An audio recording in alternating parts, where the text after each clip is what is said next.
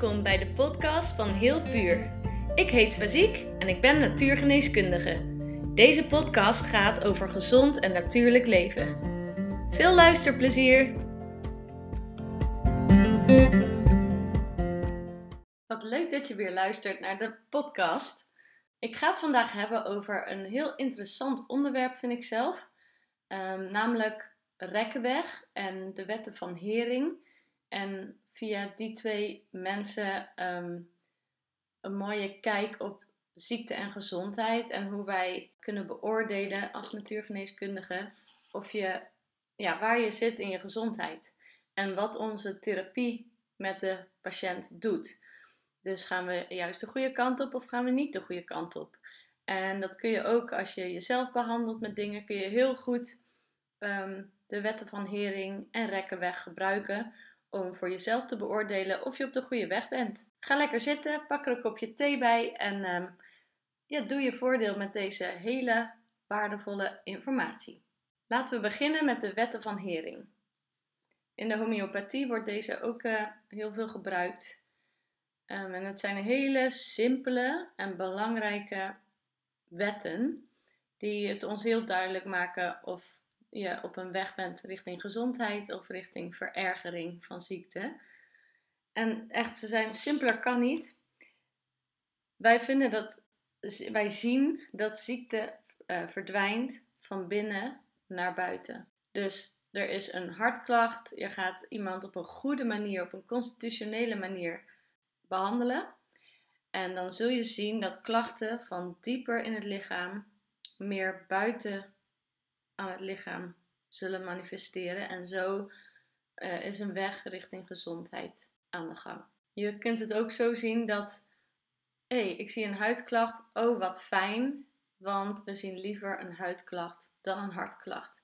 Ik noem even het hart hè, als vitaal diep gelegen orgaan.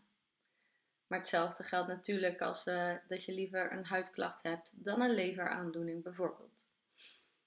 Nou, behalve van binnen naar buiten denken we ook in tijdslijn. Dus ziekte verdwijnt ook van nu naar vroeger toe. Dus je gaat steeds meer terug naar jouw basis, naar hoe je als gezond kind was. En dat betekent dat je soms ook wel eens klachten van vroeger terug kunt krijgen als je in een uh, therapie zit. Dus het kan zijn dat iemand met kanker bijvoorbeeld um, bij de natuurgeneeskundige komt, al dan niet al geholpen regulier, zeg maar. Dus het kan ook na uh, het hebben van kanker zijn. Dat iemand weer sterker wil worden en gezonder. En je gaat behandelen en opeens krijgt die persoon weer een blaasontsteking die hij al jaren niet gehad heeft, maar vroeger wel regelmatig last van had.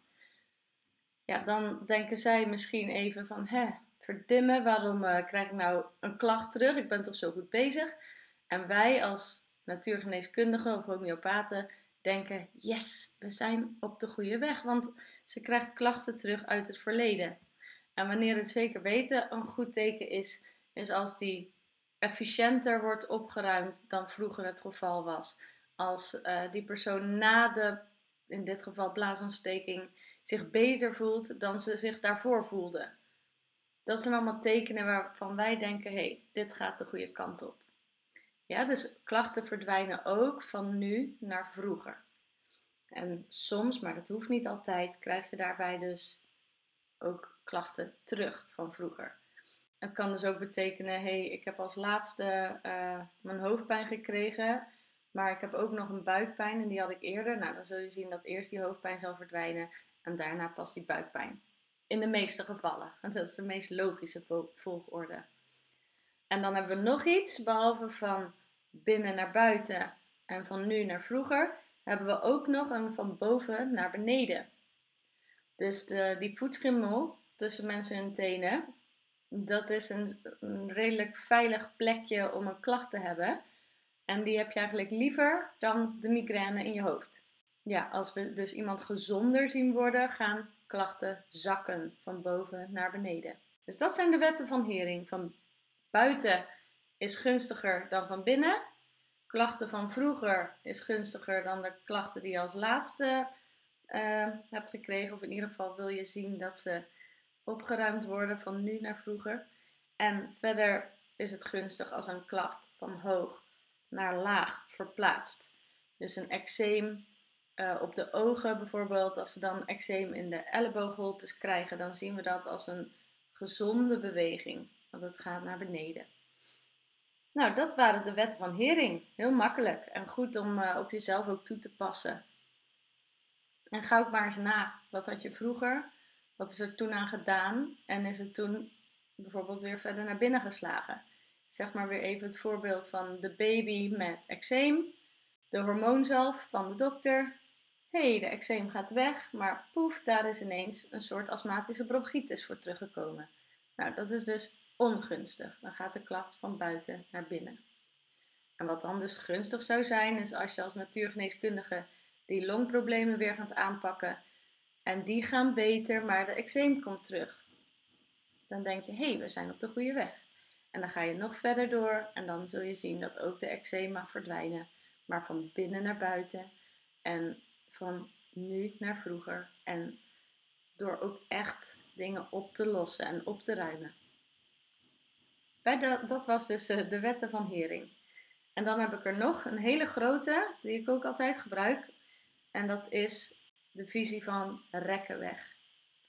En Rekkenweg heeft gewoon heel mooi in kaart gebracht hoe ziekte ontstaat en welke fases je doorloopt. In de visie van Rekkenweg en daarmee ook van iedere natuurgeneeskundige is ziekte altijd dyscrasie.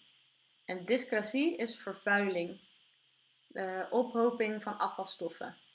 De heer Rekkenweg heeft zes fases uh, onderscheiden. En waarbij fase 1 het meest gunstig is.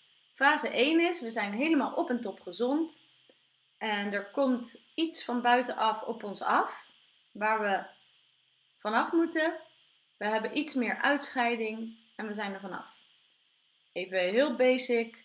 Je zit op de fiets, er komt een vliegje in je oog, je hebt een traanoog, vlieg je weg en je bent weer op en top gezond.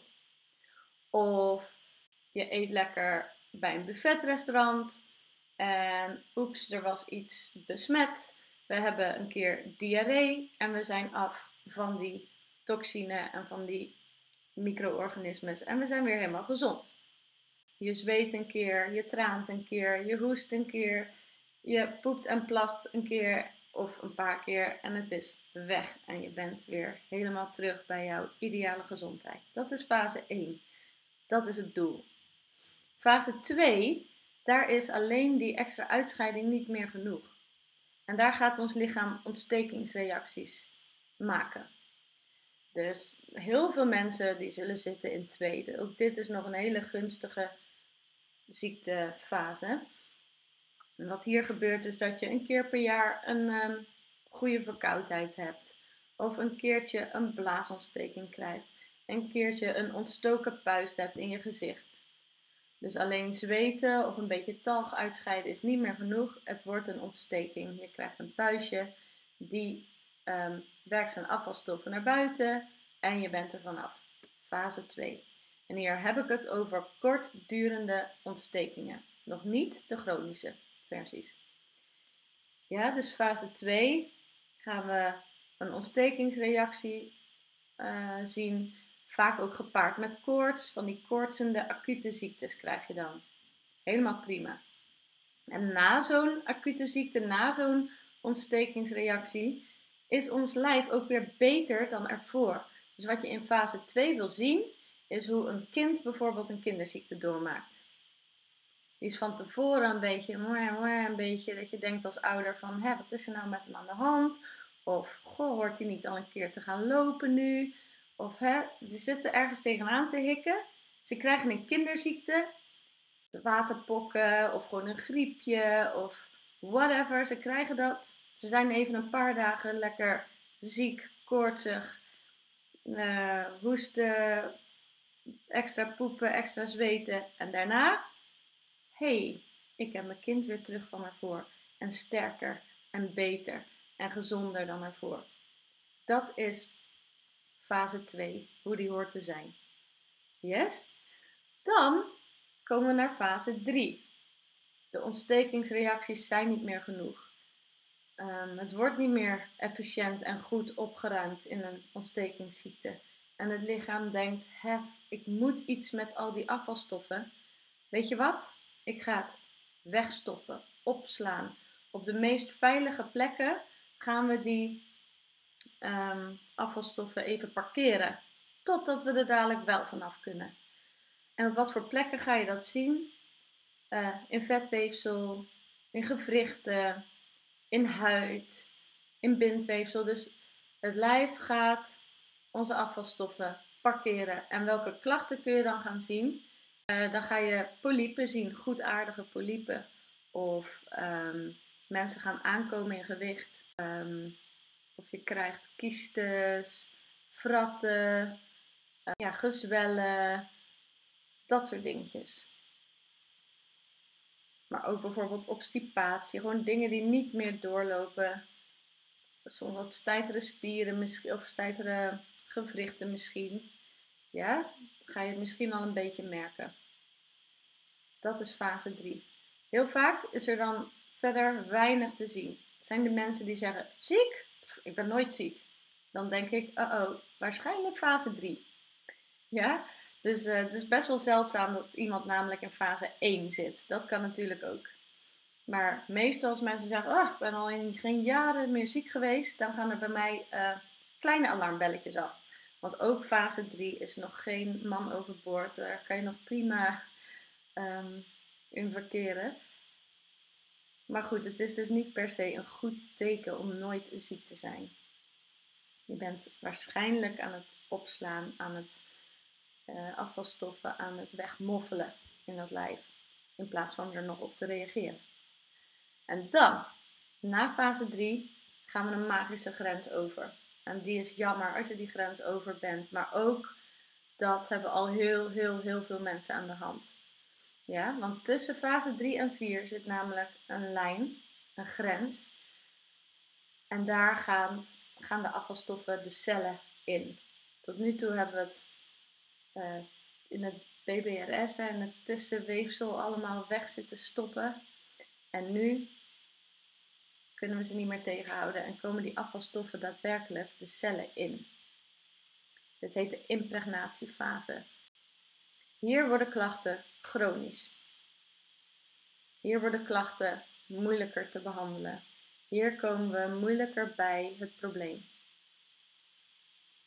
Hier ga je klachten zien zoals hooikoorts, eczeem, um, bronchitis die niet weggaat, allergieën. Uh, wat gaan we nog meer zien? Zweren en zo, in de maagzweer bijvoorbeeld. Ja, waar je in fase 3 de polyp hebt, voel je niks van, hoef je niks van te weten dat hier zit. Krijg je in fase 4 dat het bijvoorbeeld zweer gaat worden. Er gaan ook wat dingetjes kapot.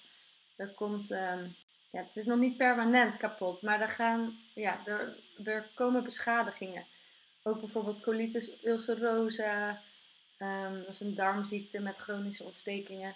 Dat soort ziektes zie je hier komen. Ja, chronische artritis bijvoorbeeld. Hè? Dus in die gewrichten is het opgeslagen en daar komen nu pijnen bij. En je komt er niet meer vanaf. Je komt er moeilijk vanaf. Dat is fase 4. En goed om te weten is dat het ook de lastigste grens is om over te gaan. Van 4 terug naar 3. Dus um, dat is even iets om uh, alert op te zijn. Ook als je een behandeling start bij iemand. Weet gewoon, als jij in fase 4 of hoger zit, wordt het een wat langer traject. Het is zeker niet onmogelijk, maar het is wel meer een uitdaging. Ja, fase 4, chronische problemen en er treedt wat beschadiging op dan gaan we naar fase 5. En dit is nog steeds die chroniciteit. Alleen hier gaat permanente schade komen. Kun je denken aan longemfyseem, levercirrose. Echt cellen gaan echt voor altijd kapot. Je kunt nog wel terug uit die fase. En je kunt nog wel gezonder worden en, en um, nog een betere fase van rekken wegkomen. Maar dat weefsel wat kapot is, dat, dat zul je niet meer kunnen herstellen. Dat zijn gewoon littekentjes geworden. Ja, en dat gebeurt in fase 5. Ja, hier kun je bijvoorbeeld uh, Parkinson, um, maar ook dus wat ik net al noemde, levercirrose en dergelijke echt dingen die kapot gaan, forever. Ziekte van Crohn, dat zit een beetje tussen 4 en 5 in. Hè? Maar dat soort problematiek vind je in fase 5. Wat je hier ook veel ziet, dus dat kan soms verwarrend zijn, uh, dat ineens allerlei ontstekingen van fase 2 hier terugkomen. Maar je gaat wel verschil zien tussen de gezonde fase 2 ontsteking. Iemand heeft een acute ziekte, lost die zeer efficiënt op, is daarna weer beter en beter dan ervoor. En het wordt geen lange slepende ziekte. Daarbij is in fase 5, als de griep toeslaat of een blaasontsteking, is de kans groter dat je er langer moe van blijft. Dat uh, het niet echt helpt. Dat het een soort van, ja, net als met zo'n ventieltje, even de druk eraf en dan weer snel dicht dat ventiel, snap je? Dus het zijn hele kleine, kleine uitlatingjes, kleine, ja, het is te weinig zo'n ontsteking voor wat er nodig is. En dat ga je gewoon zien in hoe die acute ziekte zich manifesteert, zeg maar. Nou goed, fase 5. En dan heb je nog één fase verder, fase 6. En dan zit je gewoon in de kwaadaardige ziektes, in de kankers. Uh, en dit noemen ze de differentiatiefase. Dit is echt de meest zieke fase. En hier komen gewoon eigenlijk alle kankersoorten voor. En ehm, ja, wat ik zo goed vind aan dit schema en aan deze informatie, is dat je dan ook zult begrijpen dat als jij in fase 6 zit, dat je niet alleen een kanker hebt, er zit niet gewoon iets wat niet bij jou hoort in jou uh, te groeien en dat kunnen ze wegsnijden en je bent klaar. Nee, je zit als hele mens in fase 6. Dus alleen iets wegsnijden zal niet genoeg zijn. Prima als interventie en fijn en haal het weg. Helemaal goed, zeker de chirurgische aanpak van er zit een gezwel en we kunnen het mooi verwijderen. Zeker doen. Maar daaromheen ga alsjeblieft ook aan jouw hele gezondheid werken. Hoe ga je ervoor zorgen dat je van fase 6 weer terug gaat wandelen naar wauw, fase 1, dat zou geweldig zijn. Of fase 2, wat echt compleet normaal zou zijn. Of fase 3, wat ook nog uh, heel fijn zou zijn ten opzichte van fase 6. Dus hoe ga je dat doen? Ga je je voeding aanpakken? Dat er in ieder geval al minder afvalstoffen inkomen. Ga je je mindset werken? Ga je je levenspad weer terug proberen te vinden? Want het is echt je hebt niet alleen maar een ziekte, je bent als systeem helemaal in die fase van rekken weg. En dat haal je gewoon niet weg door een chirurgische ingreep of door een chemokuur. Je zal echt jouw hele gezondheid dan moeten aanpakken. En dat kan. Dat is zeker mogelijk, maar dat is weer denk ik voor een uh, andere aflevering. Want zullen we eens kijken hoe lang we bezig zijn nu? Ben nu 20 minuutjes aan het kletsen. Uh, wat misschien nog wel een mooie is om te begrijpen bij de fase van rekkenweg, maar ook bij de wetten van Hering, is dat het is dus gestoeld op afvalstoffen. En uh, we hebben altijd te maken met een input, een verwerking en vervolgens een output. Dus enerzijds, wat stop je erin? Wat krijg jij op jou af? Uh, de input. Vervolgens de verwerking, dus wat doen we ermee, wat kunnen we ermee, wat nemen we op, wat wordt een deel van ons, wat laten we gaan. En vervolgens de output. Kunnen we het loslaten wat we niet nodig hebben? Uh, voeren we het af? En om dit proces uh, goed te laten lopen bij iemand, zullen de uitscheidingsorganen goed moeten werken. Nou, we hebben vier primaire uitscheidingsorganen: de longen, de lever, de spijsvertering. En, ehm, en met spijsvertering bedoel ik het maag-darmkanaal. En de urinewegen, denk ik dat ik die nog niet genoemd had. Dus de longen, maag-darmkanaal, lever, urinewegen. Dat zijn de primaire uitscheidingsorganen. Die wil je dat goed hun werk kunnen doen. Dat die sterk zijn. Dat die eh, na een nachtje stappen de alcohol goed omzetten en afvoeren. Dat die na een keertje niet zo gezond eten, dat dat allemaal zonder problemen wordt afgevoerd. Dat zie je ook bij veel mensen. Hè? Er zijn mensen, dat zeg je wel eens van, wow, die heeft echt uh, een goede spijsvertering. Want ze worden niet dikker of ze krijgen geen klachten, ook al eten ze af en toe eens iets wat niet zo goed voor ze is. Dus je wil dat die hoofduitscheidingsorganen goed werken. Is dat nou niet zo? Of stop je er zoveel afvalstoffen in dat ze het nooit bijgebeend krijgen, dan ga je die secundaire uitscheidingsorganen zien werken. de secundaire zijn de geslachtsorganen en de huid. En die gaan het dus overnemen als er iets niet goed gaat bij die primaire uitscheidingsorganen. Dus bij een eczeem bijvoorbeeld is er een secundair uitscheidingsorgaan heel hard aan het werk. Dus welk primaire uitscheidingsorgaan ligt daaronder? En willen we dus versterken en waar gaan we reinigen zodat die secundaire uitscheidingsorganen niet meer zo zwaar hebben? Ja, dus dat is een beetje hoe wij als natuurgeneeskundigen kijken en hoe jij ook kunt gaan kijken. Heel belangrijk ook als je um, jezelf probeert te genezen of als je klanten zelf mag helpen met um, weg naar genezing, dat je een uitscheiding ziet. En ik heb dit hele praatje vrij fysiek gehouden, maar ik ben dus holistisch kijkend. Maar ik ga nog een, aparte aflevering maken over holisme en over de verschillende uh, niveaus. En ik heb het nu vooral dus over het fysieke niveau gehad. Maar stel je bent energetisch therapeut of je bent coach en je doet eigenlijk niet zoveel met dat lichaam, dan kun je ook uitscheidingen zien op die andere niveaus. Dus stel je bent met iemand met coaching bezig, dan vind jij het hopelijk heel erg fijn als diegene een keer goed heeft gehuild. Of een keer heeft durven zeggen waar het op staat tegen zijn omgeving, als hij constant tegen, over zich heen liet lopen dan zie je ook genezing, dan zie je ook uitscheiding.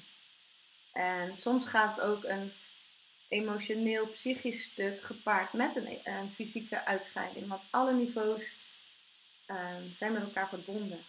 En als je fysiek in fase 6 ziet, zul je ook op alle andere niveaus fase 6 tekenen zien. dus ook als je niet met het lijf werkt, wil je uitscheidingen zien, wil je um, dingen versterken, enzovoort, enzovoort. Nou, lieve mensen, ik ga hem afronden.